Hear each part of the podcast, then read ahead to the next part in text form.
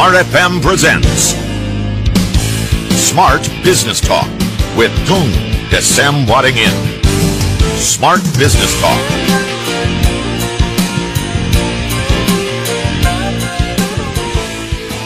Selamat hari Selasa, Smart Listener dan juga sahabat Sonora di seluruh Indonesia. Semangat baru, tanggal 25 September ya, nggak kerasa September mungkin tinggal enam hari lagi kita akan jelang bulan yang baru.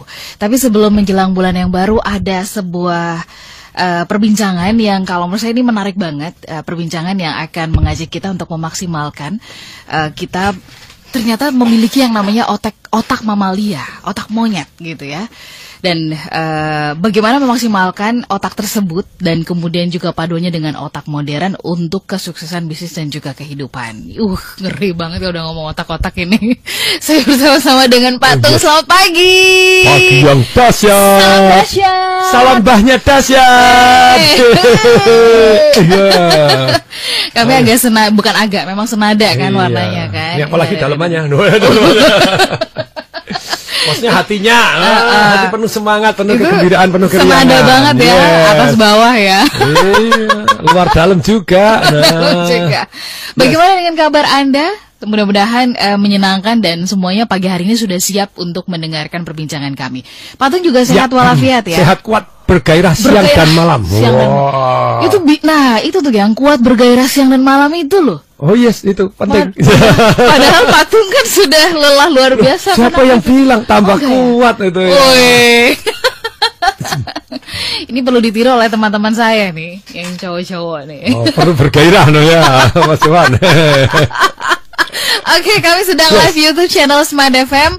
Anda juga bisa menyaksikan kami melalui Instagram eh, live ya eh, dari akun etungdesemwaringin.tdw. Nah, jadi Anda bisa menyaksikan langsung kami berbincang di studio. Anda bisa pergunakan line SMS dan WhatsApp kami nanti untuk bertanya di 0812 11 12 959 telepon kami di 0216343417. Kami mau membahas mengenai mengelola otak monyet atau otak mamalia dan memaksimalkan otak modern untuk kesuksesan bisnis dan juga kehidupan kita. Kenapa sih mesti membahas mengenai otak ini? Bukannya kesannya kalau membahas mengenai otak monyet itu yang keluar atau yang muncul itu kan kelakuan-kelakuan yang Monyet. ya betul. suka mencuri, ya kan? Eh, apa jahil gitu-gitu kan? Gimana tuh Pak? Jadi ternyata banyak keresahan ini timbul. Itu bahkan Profesor Dr. Steve Peters gitu ya. Dia mengajarkan bagaimana mengelola otak monyet ini. Itu membuat Steven Gerrard, Kapten Liverpool. Itu menjadi kartu merahnya drop tinggal nol gitu ya. Jadi bisa kebayang. Tadinya banyak kartu merah, banyak kartu kuning, keluarkan dari pertandingan. Terus kemudian mendadak bisa menguasai diri, malah berprestasi, malah jadi kapten. Kan gitu seru toh. Ya Jadi- Ronaldo gimana nih pindah ke Juventus malah dapat kartu merah? nah itu tadi mengelola otak monyetnya belum belum berhasil Belum berhasil ya? belum berhasil Oh gitu, ada kaitannya ya? ada Patung ya? kaitannya jadi bahkan itu kalau misalnya di dalam sepak bola lah di dalam kehidupan kemarin nih baru viral lagi nih ada oknum angkatan yang yang gebukin orang gara-gara anaknya ditagih 100 ribu misalnya. Yang 100 ribu juga no. Orang batalin 100 ribu nggak boleh juga. Nah jadi saling-saling bermonyet-monyetan nah itu akan menjadi keputusannya tidak pas. Itu bayangin yang digebukin kasihan jadi nyonyor gitu kan ya. Yang gebukin karirnya juga terancam lo kan jadi Iya, betul. jadi 2000, iya. urusan 100 ribu kan gitu loh ya. Lu kalau mau lebih parah urusan 25 rupiah ya cerai juga tuh ya. Jadi jadi bak sampah suaminya buang buang apa suaminya istilahnya istrinya tuh ngasih kantong kresek di bak sampah. Mhm. Terus kemudian suaminya karena hemat eh, kantong kreseknya diambil dilipat nah ya. Istrinya langsung marah, langsung menyerang otak monyet gitu ya. Iya. Jam to opinion. Kamu lu pelit sekali duit 25 rupiah gitu aja. Loh, ini hemat, tak perlu, tak perlu. Kemudian suaminya juga beng, istrinya juga nyerang. Untung kamu tahu nggak? Kamu tuh pelit kayak gini, nggak kaya-kaya lagi. Oh, dulu pacarku dulu lebih kaya. Nah, wah, mulai dulu. Pacarku dulu juga banyak. Yang laki juga ngomong gitu. Udah cerai, cerai. urusan kantong kresek. Itu urusan 25 kantong rupiah. kresek. Itu Sama yang, otak monyetnya keluar. sama yang kemarin ini yang supporter di eh, Persija sampai- ya eh, kasihan sekali sampai tewas. digebukin tewas. Nah ini urusannya tuh urusan mengelola otak gitu ya. Urusannya jadi panjang karena eh, bisa saja Liga 1 ini akan dihentikan nih. Nah itu karena ya itu loh jadikan. Nah ini kan juga sama yang yang menghentikan otak. Sorry. yang menghentikan juga akan jump to opinion, akan menggeneralisasi akan katastrofik. Nah, sebetulnya ini loh. Jadi apa sih otak monyet? Otak monyet itu otak limbik kita. Dia itulah yang membuat kita satu yang namanya perasaan atau emosi. Yang memberikan perasaan, emosi gitu Dan dia ya. mencatat nikmat dan sengsara itu. Sedangkan kalau otak yang namanya otak reptil itu responnya kurang dari satu detik, fungsinya untuk survival, hanya cari nikmat menghindari sengsara. Yang dianggap nikmat adalah melanjutkan keturunan dan mempertahankan hidup. Oke. Dan otak reptil ini, otak dinosaurus kita ini, otak kadal kita, otak buaya ini, itu fungsinya hanya menyelamatkan diri. Hmm, Menyelamatkan survival. diri, survival. Nah, sedangkan kalau otak mamalia menyelamatkan kelompoknya. Hmm, Mereka ngegeng. Oke, ya ya ya ya ya. Kalau kita lihat Serigala lawan serigala, manusia lawan manusia. Ya. Iya. Jadi jadi siapa sih lawan manusia ya kayak Pak Karno gitu ya. Nanti dulu saya ngelawan penjajah nih, sekarang nanti kamu ngelawan Lawan bangsamu diri sendiri diri gitu. sendiri, ya. betul. Yang Eh, mau kar karpe gitu ya. Nah, di, apalagi di dalam bisnis. Di dalam bisnis yang sampai saya lihat, ini kalau ka- tidak muncul di permukaan gitu ya. Karena biasanya pertempurannya tuh di kantor Di- polisi, di pengadilan, di mana antar pebisnis gugat-gugatan. Nggak pernah habis-habisan. Iya, habis bermiliar-miliar, habis puluhan miliar hanya untuk menegakkan otak mamalianya. Otak kebenaran versi dia. Ya, otak mamalia itu senang sekali untuk merasa saya paling benar, Mm, bukan mencari Solusi. kebenaran. Kebenaran, beda ya. Eh, me- ingin menunjukkan bahwa saya yang paling benar dengan kemudian mencari kebenaran itu dua hal yang berbeda. Beda sekali. Kalau kita misalnya kemarin saat ada satu tokoh nasional yang jagoan ekonomi gitu ya, menganalisa perekonomian Indonesia. Kalau saya kan terbuka mencari mana yang benar. Kalau pemerintahan sekarang kurang benar, ya cari yang benar dong. Kan mereka dia membandingkan ini. 200 persen. Jangan dibandingkan ekonomi Indonesia yang utangnya dianggap hanya 29 persen Mm-mm. Terus dibandingkan. dibandingkan dengan Jepang yang utangnya 200%. Itu tidak adil, dia bilang gitu. Nah, dia merasa bahwa dia sudah mempunyai data, tapi datanya perlu di lebih tepat. Utang di Jepang itu sebagian besar utang dalam negeri. Indonesia sebagian besar utang, luar negeri. Nah, ini kalau kata-kata sebagian besar, sebagian besar itu sebetulnya otak mamalia. Oh, oke. Itu otak mamalia. Iya, karena otak mamalia itu jam to opinion, dia pakai perasaan tapi dianggap data. Oh, pakai perasaan tapi dianggap Nah, data. kalau Anda keputusan-keputusan gini jadi salah loh. Hoi, hoi, walaupun Anda pakar ekonomi loh. Nah, ini bahaya kalau misalkan eh, menggunakan otak mamalia ini dalam membuat keputusan-keputusan besar dong. Contohnya gini, contohnya gini. Kalau di Indonesia dianggap bahwa Indonesia 29% itu sebagian besar, cek dulu datanya mana. Betul nggak sebagian besar? Sebagian besar itu angkanya berapa? Misalnya, oh ya, di Indonesia 70% adalah utang luar negeri. Oke, di Jepang 80% adalah utang dalam negeri. Bagus tuh. Kelihatannya kan totally kebalikan. Tapi kalau dari angka absolutnya, mau cek gini. Tadi kan 200%. Misalnya utangnya di Jepang itu 10 juta, 10 juta gitu ya. Lah kalau 80% berarti 8 juta tuh. Ya. Berarti 2 jutanya Iya. sebentar. Berarti 40 persen loh. Saya ulangi, saya ulangi. Kalau kalau kalau 20 persen utang total utangnya di Jepang itu adalah utang luar negeri. Oke. Utangnya sedangkan 200 persen, berarti 200 kali 20 tuh. Berarti 40 persen dari total eh, utangnya Jepang itu dari banding gross domestic product itu utang luar negeri. Iya. Utang luar negeri Indonesia 29 dikali 70 persen ya masih masih masih sedikit doang. Berarti masih gedean dia. Masih dong. 21 persen doang gitu ya. Oke. Jadi maksudnya angka absolutnya dulu. Nah, tapi kita mencari kebenaran. Iya, iya. Mau mencari kebenaran ya? Oke, ini semangat nih, baru semangat semangatnya gitu ya. Harus merasa benar. Iya. Nah, kalau misalnya pemerintah kali ini, oh itu utangnya di Jepang itu murah, Nuh. Lah ya terus bagaimana kita bisa dapat utang murah? Pertanyaannya dulu, utang murah itu berapa? Oke. Versi utang Angkanya. murah itu angkanya berapa? Nah ya kalau anda Iya. bilang murah mahal itu otak mamalia. Oke, Patung ditahan dulu penjelasannya. Ini kita kayak ngerasa sebenarnya em, kayak lagi konferensi pers ya.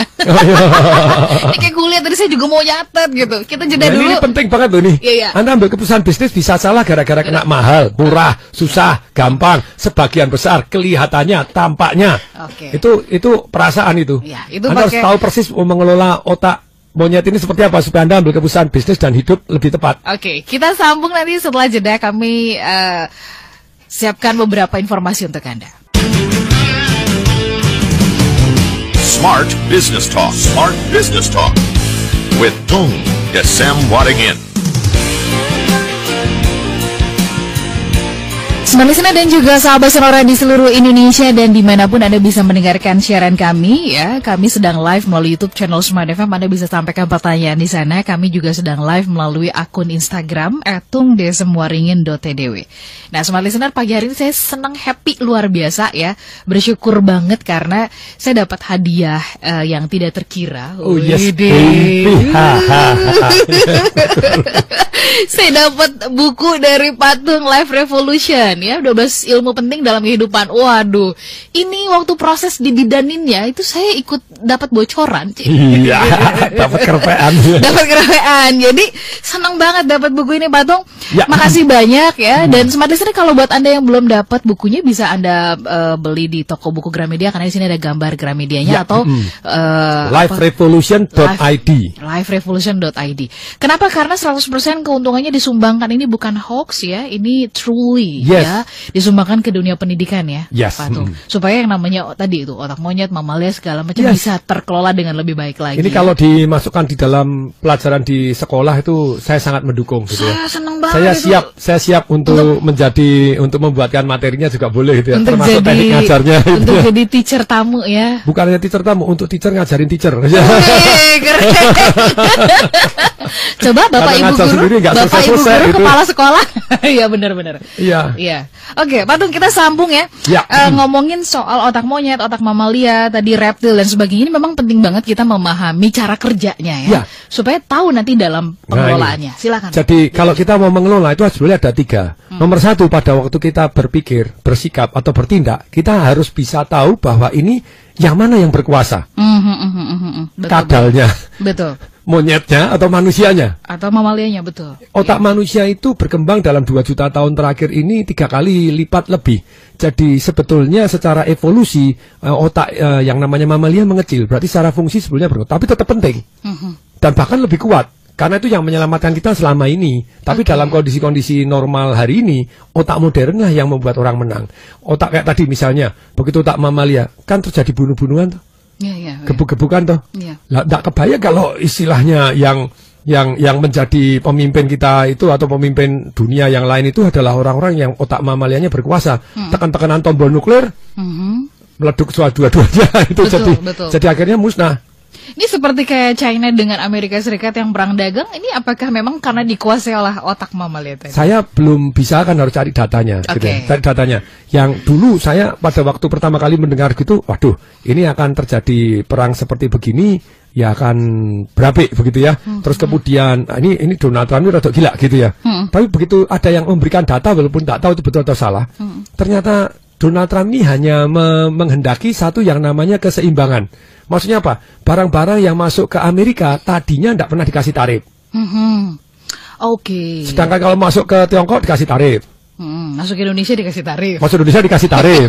Masuk ke Eropa dikasih tarif. Tarif, iya, iya. Masuk ke Turki dikasih tarif. Masuk Oke. ke mana kasih tarif. Sekarang tak balas deh, tak kasih tarif. Kapokmu kapan? Kan gitu toh. Iya, iya, iya, Harus iya. fair. Ada yang bilang gitu. Makanya kita harus cari datanya dulu. Iya, iya, iya. Ini kan gini loh. Kalau kalau kita tidak pakai data, hanya pakai Katanya. misalnya ada yang ngeritik. Apa itu katanya? Loh katanya kan gitu Iya, katanya. Ka- Tapi sebenarnya pakai data juga. Iya. Datanya di sebagian, tapi tidak pakai perbandingan yang jelas. Dana di Indonesia utang untuk infrastruktur, bangun. Enggak, infrastruktur itu penggunaan ketiga. Tuh ada pakar ekonomi seperti itu, Iya. gitu ya. Nomor satu adalah untuk eh, mengelola karyawan, untuk apa kepegawaian, gitu ya. Hmm. Ini ketiga, jadi nggak benar itu utangnya untuk untuk infrastruktur. Nah, pertanyaannya gini, kita harus bandingkan. Zaman dulu infrastruktur nomor berapa? Oh, infrastruktur udah nomor 9. Sekarang udah nomor 3. Berarti memang sebagian besar kegunaannya adalah untuk infrastruktur. Terus ba- badan pengelolaan untuk eh, kepegawaian, untuk dana APBN itu ternyata paling besar di sana. Pertanyaannya berikutnya, lah dulu Iya, iya. Oh kalau sekarang dia sekarang yang paling besar, oh berarti oh ada yang peningkatan. Oh enggak, dari dulu memang paling besar. Nah itu kan problem gitu ya. Betul. Jadi banyak orang itu hari ini dikasih sekilas data, padahal bukan data, datanya bisa jadi hoax, bisa jadi tidak benar, tidak berasal dari sumber yang layak dipercaya, atau hanya sebagian tanpa perbandingan. Nah inilah yang namanya ada enam kelemahan otak mamalia. Oke. Apa saja kelemahan itu supaya kita jadi Langsung cepat ya sikat semua ya. Nomor satu itu hanya hitam atau putih. Maksudnya pilihannya hanya A atau B. Lari atau serang gitu ya. Kalau sudah kalah pura-pura mati. Iya iya betul. Eh, Campuran, Anda ya. ketawa, saya juga semua loh. Anda punya, saya punya juga loh. Iya betul. Saya kebayang kok itu. Ini ini ini para ilmuwan ilmuwan wati atau orang menengah yang maksudnya secara kecerdasannya. Iya. Anda sering kali pura-pura mati kalau tidak ngomong gitu ya. Ketika ada something yang tidak sesuai dengan diem dan nanti jadi ribut gitu ya. Mm-hmm. Apalagi yang sana lawannya otak mamalia diancam loh. Kamu laporin ini tak bunuh, tidak berani lapor. Padahal dibully terus ya. hanya karena ancaman gitu ya. Jadi satu hitam atau putih A atau B, serang atau lari atau membeku doang. Padahal kalau otak modern pilihannya harusnya lebih banyak. Oke. Yang kedua adalah otak mamalia itu jump to opinion. Makanya jump to opinion itu tadi. Lu kalau berarti Indonesia ini utangnya lebih banyak luar negeri, apakah ya betul luar negeri banyak? Harus dicek dulu. Angkanya yang betul berapa? Jangan jump to opinion. Menurut katanya ekonomi ini, menurut katanya even tong Desember ingin pun gitu ya. Yang ngomong ya. Yang ngomong pun cek dulu datanya sumbernya. Hmm, hmm, hmm, hmm. Jadi jump to opinion itu berarti kalau begini maka begitu. Iya iya iya. Misalnya dalam bisnis, wah hebat ya dia punya tower. Hmm, Ya. Tunggu dulu towernya itu hasil utang atau enggak gitu ya. Pagi ini saya eh, mendapat beberapa kemarin saya ke Pekanbaru juga ada beberapa teman datang dalam arti kos- kesulitan keuangan begitu ya. Jadi dulunya tampak gagah sekali karena punya gedung tinggi kenapa begini, tapi sekarang ya ada challenge terhadap keuangannya karena ternyata oh gedung tinggi punyanya utang semua. Dari tower sampai ke bawah. Wah, iya, utang kafe lah, lah repot gitu ya. Iya juga sih. Eh, enakan punya rumah gubuk ada yang bilang, gitu ada yang bilang, ada yang bilang ngomong, wih keren ya karyawannya empat ribu, empat ribu itu biaya semua, anda jam to opinion, lu bisa menghidupi orang empat ribu betul keren, tapi itu bangun Tapi- tidur langsung dapat bayar kape itu, itu. Apalagi setiap bulan ya mesti nah iya gitu. Oke. Nah terus eh, makanya banyak yang jam to opinion, jam to opinion ini, eh jangan ketawa kita juga loh. makanya Aku juga, kita semua. Ya juga ya, itu suka enak banget kita ngomong iya dia enak tuh ya. Oh, Ah, patung sih. Oh, ngomong nah kayak gitu. gitu kong lemerat. Nah, ya kan? oh, belum lihat itu ya. lihat Ternyata itu. sungguhan. Oh, ya, amin gitu. Terima kasih Tuhan. Nah, berikutnya yang ketiga itu adalah eh, based on perasaan. Jadi otak mamalia ini perasaan bukan data. Kelihatannya data tapi sebenarnya perasaan. Kayak tadi, misalnya, oh ini mahal, oh ini murah. Sebagian besar datanya dari mana dulu, periksa dulu. Kayak zaman dulu saya mau masang AC di rumah, dia bilang, oh pak, ini yang teknologi VRV itu murah. Padahal mes- AC-nya empat kali lipat lebih mahal. Oke. Sebentar, karena saya belajar ilmu berpikir, Iya, iya. lihat supaya keputusan saya benar, murah itu dasarnya bagaimana, Iya, iya, iya. angkanya dari mana, cari datanya, dibandingkan dengan apa dulu. Betul. Ternyata AC VRV yang harganya AC-nya empat kali lipat lebih mahal, itu dengan AC biasa, bukan inverter, AC yang tradisional, itu AC tradisional lebih ngirit satu juta, apabila penggunaannya, nah ini kan jelas tuh, waktu itu ada datanya gini, plus minus gini, apabila 9 PK digunakan 9 jam setiap hari, selama satu tahun 365 hari, satu KWH-nya sama dengan 1090 rupiah. Ini detail banget Pak. Iya betul. Setelah dibandingkan, dihidupkan sama-sama 365 hari, ternyata AC biasa lebih ngirit dari dari dari in, bukan dari mana, dari dari AC yang tadi yang ditawarkan. lebih dari VRV, VRV. teknologi yang paling loh. Lah berarti Ya mendingan via, eh, ini aja lebih murah. aja. Yang- kalau inverter lebih Oh, murah lagi. iya. Kalau inverter itu bisa 4 juta ngiritnya Oke. dibanding yang VRV. Berarti VRV paling boros dong. Mm-mm. Inverter paling ngirit dong. Mm. Nah pertanyaannya begini, ada yang bilang, Pak, inverter itu lebih mahal. Mahalnya berapa dulu? Mm. Jadi ada orang yang pro terhadap lebih mahal berapa dulu inverter? Oh, ternyata 4 juta sama 5 juta 200. Lah kalau ngiritnya 4 bisa 9 PK tadi bisa ngirit eh, 4 juta 3 tahun eh, ganti AC baru aja enggak apa-apa itu tetap inverter. Jadi Karena kalau- inverter dianggap lebih gampang rusak gitu. Kalau ya. mau membandingkan juga yang apple to apple gitu ya. Dan ada angkanya jelas. Mm-mm. Nggak boleh pakai perasaan. Saya lebih suka ini, you know. ya boleh silakan. Itu namanya pakai perasaan. Tapi kita sudah jelas bahwa yang berkuasa adalah perasaan. Jadi kalau anda mau mau istilahnya mengelola, anda ta- tahu pada waktu anda berpikir, bersikap, berkata-kata, kemudian melakukan tindakan, siapa yang berkuasa? Anda harus tahu. Nah, supaya tahu, anda tahu dulu ciri-cirinya. Oke. Ini pakai perasaan yang ketiga. Oke, patung ditahan dulu ya. ya Masih ada tiga lagi? Tiga lagi aja kita udah ke apa, apa kepotong sama waktu ya.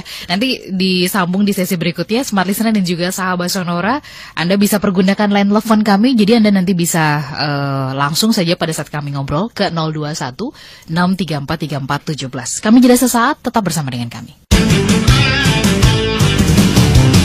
Smart Business Talk. Smart Business Talk. With Tung Desem Wadding In. Smart listener dan sahabat sonora di seluruh Indonesia Saya ingin menyapa Anda mulai dari kota Jakarta, Surabaya, Yogyakarta, Medan, Pekanbaru, Palembang, Banjarmasin, Balikpapan, kemudian Makassar dan juga Manado Saya pun ingin menyapa Anda yang ada di kota Bandung ya, Cirebon, Purwokerto, Solo, Semarang, kemudian eh, Ma- Malang sudah ya, eh, Magelang, terus kemudian saya ingin menyapa Anda yang ada di Lampung, Bali, Aceh, Padang, Bangka, Belitung, terus kemudian juga di Pontianak. Salam eh, dahsyat untuk Anda Yes. semuanya ya. Patung kita lanjut. Oh. Tadi smart listener sahabat sonora pada saat jeda saya suka saya tadi nanya ke Patung gini. Patung kenapa sekarang ini kita sukanya gitu ya lebih kepada mendengarkan dan membaca eh, berita-berita hoax yang kayaknya seolah-olah kayaknya penuh dengan data tapi salah semua. Kenapa kita cenderung seperti itu? Apa karena memang nggak pernah belajar soal otak-otak ini? Yes, karena di sekolah, di Roma, kita tidak pernah mendapatkan ilmu ini. Jadi cari buku Live Revolution, Anda akan belajar begitu ya. Di liverevolution.id, Anda masih dapat hadiahnya itu ya. Bisa ikut seminar saya tiga hari full, gratis, tis, tis, tis. Nah sekarang begini, kayak tadi misalnya saya bilang VRV.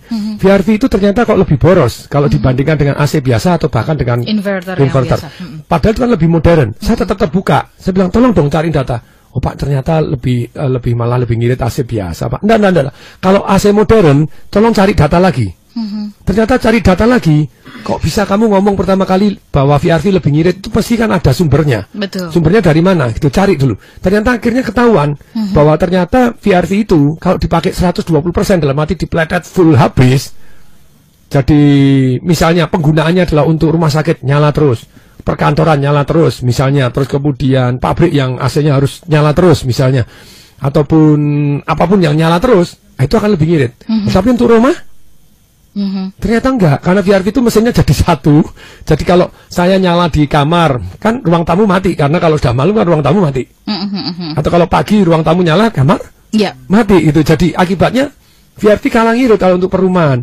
Nah ini kita lebih objektif. Hmm, Nah, tapi kita bilang lebih ngirit, ngiritnya berapa? Ya, ya. Nah ya. kalau tadi pakai angka jadi lebih detail gitu ya 9 PK 9 jam setiap hari selama 365 hari 1 KWH-nya 1090 rupiah Nah itu setelah dipakai dibandingkan dengan AC ini akan lebih ngirit ini Ya, ya. Ngiritnya berapa? Nah ngirit ada angkanya itu data Tapi kita termasuk saya termasuk siapa pun Seringkali dalam mengambil keputusan bisnis itu jam to opinion dan berdasarkan perasaan Mhm, mhm, Apalagi kita istilahnya kepengen sekali otak mamalia kita itu kan pengen merasa benar mhm. Bukan mencari kebenaran Kalau Anda Oke. tidak mencari kebenaran hasilnya tidak benar Ya, ya.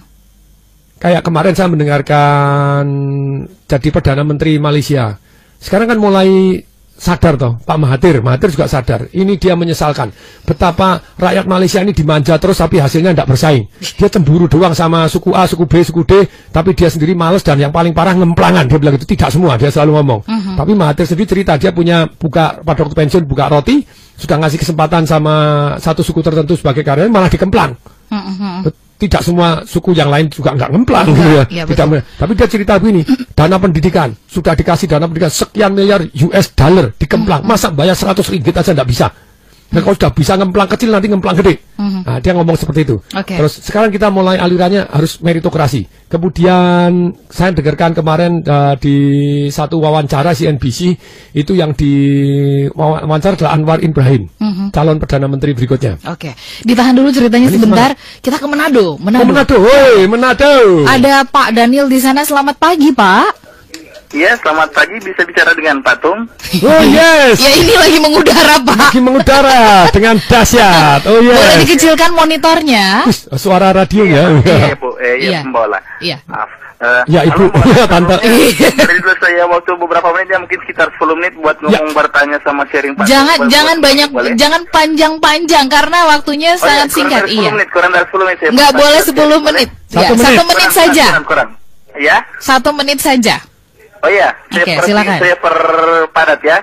Halo, selamat pagi Yes. Patung. Dengan Hmm. saya Daniel dari Manado. Oke. Patung senang bisa bicara dengan Patung meskipun saya grogi. Jadi Us. begini Patung, saya Oke. punya keluarga Lumoindong dan keluarga kami sudah punya aset sekitar 1,2 miliar rupiah dalam bentuk rumah, tanah di Minasa dan dua daerah kebun di kampung. Tapi kami sudah 30 tahun lebih tinggal di Manado. Mm-mm. Tapi saya punya mimpi besar sekali. Mimpi raksasa saya yang besar sekali yaitu dapat membeli gedung mall seharga ratusan miliar rupiah Mm-mm. seperti Taman Anggrek Mall yang ada tempat bermain ice skating di dalam gedung mallnya atau dapat membeli mall Senayan City begitu atau dapat membeli mall Gandaria kayak yang di Jakarta Oke, yang langsung- langsung kepada pertanyaannya. Waktu saya di sana Agustus 2010 tapi masalahnya aset keluarga saya digabungkan bersekitar 1,2 miliar sedangkan Ya, mall hmm. yang di, saya sebutkan tadi barusan harganya pasti 100 sampai sekitar 700-an miliar rupiah ya Patung. Hmm. Pertanyaan saya, bagaimana kami membelinya Patung mall Taman Anggrek itu kan tidak murah Patung. Tolong ajari kami cara membeli mallnya Patung. Patung eh, desa ini kan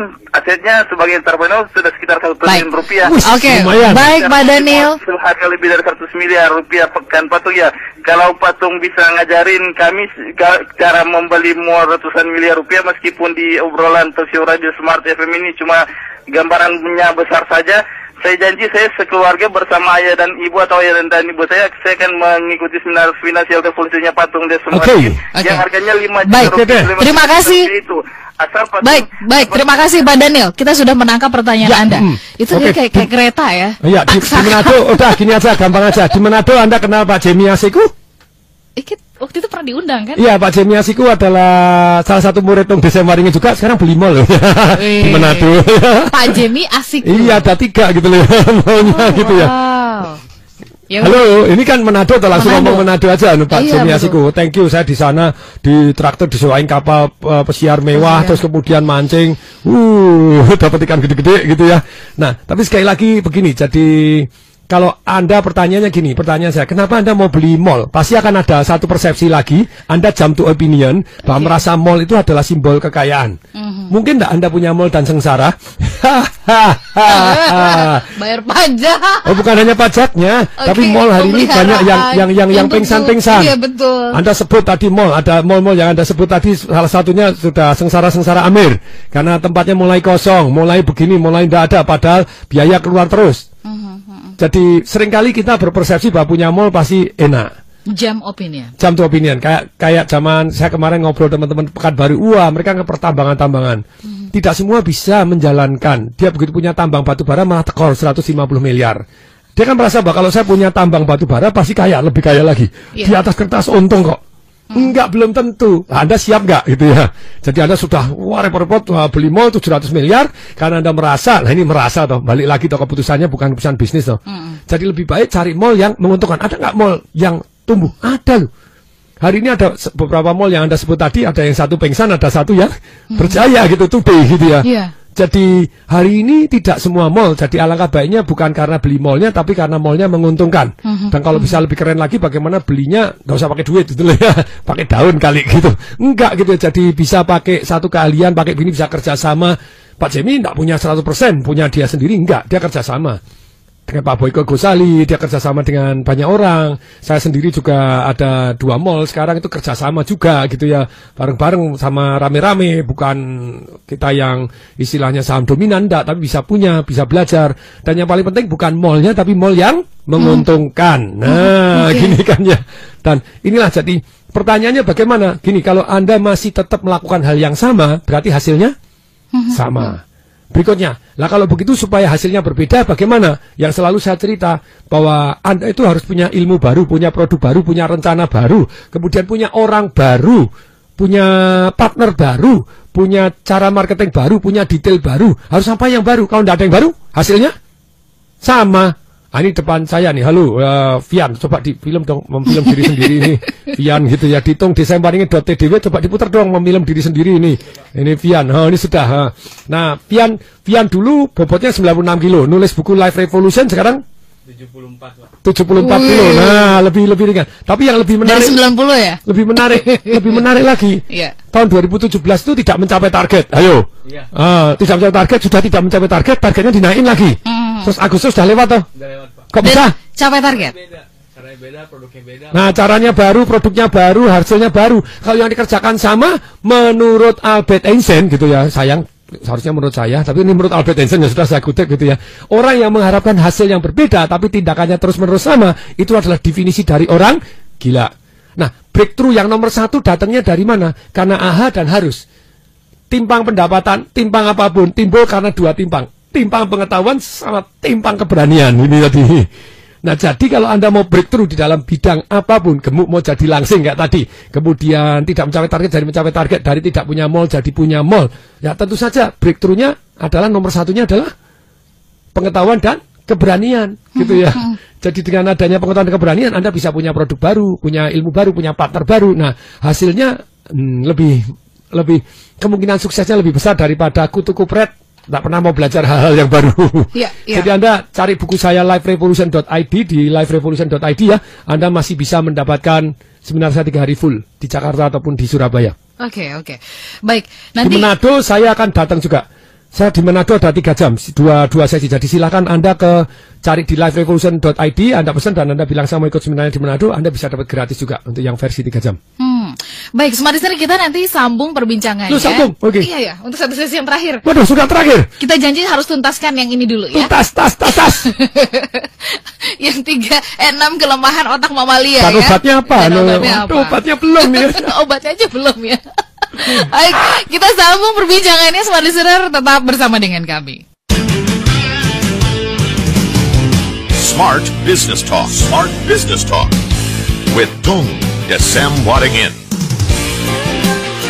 Smart Listener dan juga sahabat yang bergabung bersama dengan kami, kita sambung lagi perbincangannya ya. Tadi ada enam otak mamalia yang kelemahannya kita perlu ketahui, obatnya aja belum nih.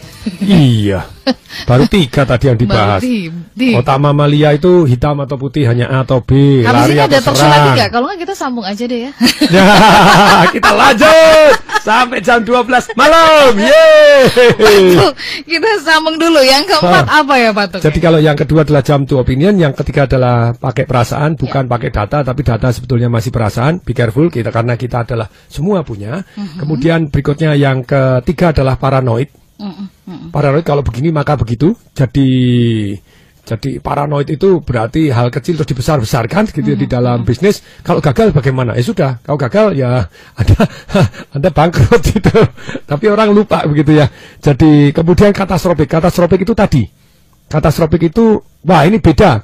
Kalau otak mamalia itu kan cenderung mau menyelamatkan kelompoknya. Oh, saya nih eh, ini serbu orang nih dari lain sudah diserbu, bunuh aja. Nah, setelah dibunuh, kemudian pengurusnya juga bisa katastrofik juga. Ya sudah kalau gitu dihentikan liganya. Loh, katastrofik tuh. Masa seluruh liga dihentikan?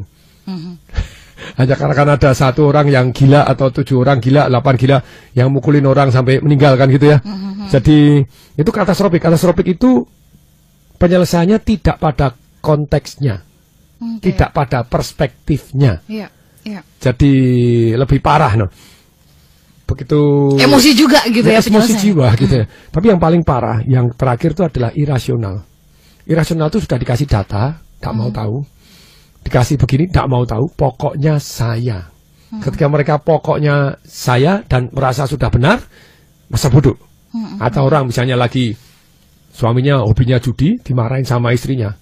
Mendadak suaminya marah no. Kamu ya, tak habisin sekalian, masa bro? Loh, Iya betul. katastrofik toh. Katastrofik. Kalau habis itu apa yang enggak dia sengsara sendiri gitu ya. Iya betul. Dia merasa menang gitu padahal sengsara. Kayak ada orang, pokoknya saya berkuasa negara hancur masa bro. No ya, pisah negara era popok. Nah, itu kan kalau sudah gitu irasional. Nah, dan Anda harus tahu siapa yang berkuasa satu. Kemudian yang kedua, Anda harus tahu bahwa proses berpikir manusia itu segala data kita ataupun segala panca indera yang kita terima itu masuknya mamalia dulu baru otak modern. Mamalia dulu baru otak modern. Dan mamalia ini responnya lima kali lipat lebih kuat daripada otak modern. Kalau dilawan, kalah kita. Nah, tekniknya bagaimana? Tekniknya gini ada dua. Satu sebelum Anda otak mamalia menguasai. Yang kedua kalau otak mamalia sudah menguasai baik di kita ataupun orang lain. Kalau otak mamalia belum menguasai ada tiga. Sebelum otak mamalia menguasai, eh sebentar ini kelihatannya saya lagi mau ngamuk ini gitu ya. Nah sebetulnya bagaimana Anda tahu bahwa Anda sedang otak mana yang berkuasa? Iya. Itu begini loh. Anda tahu kalau Anda tidak suka kok gitu ya. Iya. Perasaannya tidak suka, marah tidak suka, ini eh, tindakannya tidak suka, sikapnya tidak suka itu banyak mamalianya. Terus kemudian Anda begini, apakah ini paling menguntungkan di jangka panjang? Kalau enggak, itu banyak mamalianya. Karena mamalia hanya melihat nikmat dan sengsara jangka pendek. Sengsara jangka pendek kabur, nikmat jangka pendek mendekat. Padahal otak modern kita, bedanya otak manusia dengan otak yang lain, termasuk event otak monyet, manusia katanya punya prefrontal cortex yang di depan ini, yang bisa merencanakan ke depan, bisa melihat ke depan, bisa mengimajinasikan, bisa memvisualisasi ke depan. Ini bedanya otak modern kita. Gajah tidak bisa, katanya. dolphin tidak bisa, semut tidak bisa. Semut bisa nyimpen makanan itu bukan karena prefrontal cortexnya, Itu tapi naluri. karena nalurinya dia. Yang kalau tidak begitu dia musnah. Iya, iya. Nah kalau manusia ini dengan prefrontal cortexnya dia bisa merencanakan nikmat jangka panjang dan menghindari sengsara jangka panjang. Itu otak modern kita gitu Ya, ya. otak modern. Tapi otak modern ini bisa bebal ketika kita biasakan otak mamalianya menang. Contohnya orang korupsi kartu tol atau e-tol atau apa yang yang yang yang yang yang yang hal kecil eh dapat kenikmatan karena dapat kenikmatan ah nukleus accumbens-nya otak mamalia kita mendapatkan oh besok diulangi dong besok diulangi makin lama makin bebal dalam hati hati nuraninya bahwa ini tidak benar loh hati nurani itu ada orang bilang perasaan sebetulnya enggak Ya. Soalnya dia lebih ke otak modern yang bisa prediksi ke depan ini yang sarain loh. Bisa ditangkap loh, bisa ndak enak loh. Tapi karena sudah terbiasa kecil, akibatnya korupsi besar, problemnya nyuri itu nggak ketahuan. Problemnya korupsi itu kecil nggak ketahuan, itu problemnya. Ketika nggak ketahuan, otak Itu mamalia terasa. akan kecanduan. Betul, betul. Dan menganggap itu eh, kayaknya bisa nih gitu dilanjut Yes. ya. Di, ditingkatkan gitu. Ditingkatkan tanpa sadar, loh kok enak gitu ya. Iya. Jadi dengan demikian terbiasa mengabaikan prefrontal cortex yang bilang ini bahaya untuk masa depan. Oke. Nah, Anda harus hati-hati. Nah, Warningnya dibungkam gitu terus ya. Jurus ketiga, bagaimana kita bisa menguasainya? Mhm. Menguasai. Nomor satu, exercise. Yang kedua adalah masukkan kandang logika. Yang ketiga baru kasih pisang. Waduh, ini jurusnya piye nih? Ini tinggal berapa menit? Ah, eh, ya udah, Otak ya mamalianya. Oh, ot- yang keluar otak modern, prefrontal cortex. Ya. Kita simpan untuk nanti tema yang berikutnya gitu. Bagaimana tadi? Bagaimana kita ngatasin ini? Tadi kita lanjutkan lagi karena ini topik sangat penting, khususnya di dunia hari ini yang banyak mestinya otak modern berkuasa, tapi lebih banyak otak mamalia. Bukan hanya anda, saya juga, Mbak Ola juga, semua orang punya karena otak mamalia ini ada loh. Jadi ada kalau kita anda mau ngalahkan dia, nggak bisa. Anda hanya bisa mengelola. Kalau anda mengelola, anda akan jauh lebih mendapatkan Akan lebih bijak ya. lebih bijak dalam ambil dalam keputusan. mengambil keputusan terutama Nah, jurusnya, nah tunggu nanti gitu ya. Oke, tapi setidaknya kita sudah dapat gambaran ya smart listener dari ke eh, apa kelemahan-kelemahan otak mamalia kita. Sedikit patung barangkali Ya, ada hmm. di antara smart listener dan juga sahabat Sonora yang saat ini sedang lagi berpikir-pikir eh, apa kayaknya saya emosi ketika saya berpikir ini mau nutup usaha aja deh soalnya dolar naik terus, harga juga eh, naik terus begitu. Ini kayaknya nggak kuat kalau saya Hmm. Harus bayar. Nih ini ini gimana kalau ada yang dalam situasi kayak gini? untuk harus ini. Jadi ingat ya, ini saya tulis di buku Life Revolution saya. Kalau emosi naik, maka intelektual turun. Kalau mau intelektual naik, turunkan emosi, fokus solusi. Turunkan emosi caranya bagaimana? Exercise olahraga dulu, meditasi dulu, rusak pola dulu, alihkan fokus, baca dulu, dengarkan musik, whatever, supaya sehingga Anda tidak emosi lagi. Oke, alihkan fokus dulu. Alihkan fokus terlebih dahulu. Kemudian setelah Anda alihkan fokus setelah olahraga, yang paling bagus olahraga. Anda olahraga, oh 30 menit treadmill, mendadak Anda plong, lega, pikirannya lebih manusiawi. Terus baru masukkan kandang logika. Efek yang paling bagus apa yang ke depan? Apa yang harus saya gunakan untuk supaya paling depan saya paling maju, begitu ya. Oke. Jadi tarik nafas ya, mudah-mudahan. Kemudian, nah kalau Anda melakukan hal yang Anda sudah inginkan, betul-betul untuk masa depan, kasih pisang. Kok kasih pisang? Masuk kasih pisang itu kasih reward itu, ya. instant reward. Gitu. Oh, baik. ada jurusnya SIR PM gitu ya. Social influence, terus kemudian instant reward dan ada yang progress monitor. Oke, baik. Smart Dipanggil oleh alam ini. Oke, kita pamit ya. Terima kasih ya. untuk Anda semua yang sudah bergabung. Yang pasti Yes. miliki uh, buku terbaru ya. dari Tung Desa Maringin Live Revolution. Saya Lana Lija dan juga Patung Desa Maringin. Mengucapkan salam Dasyat! That was Smart Business Talk with Tung Desem Waddingin. Brought to you by Smart FM Network.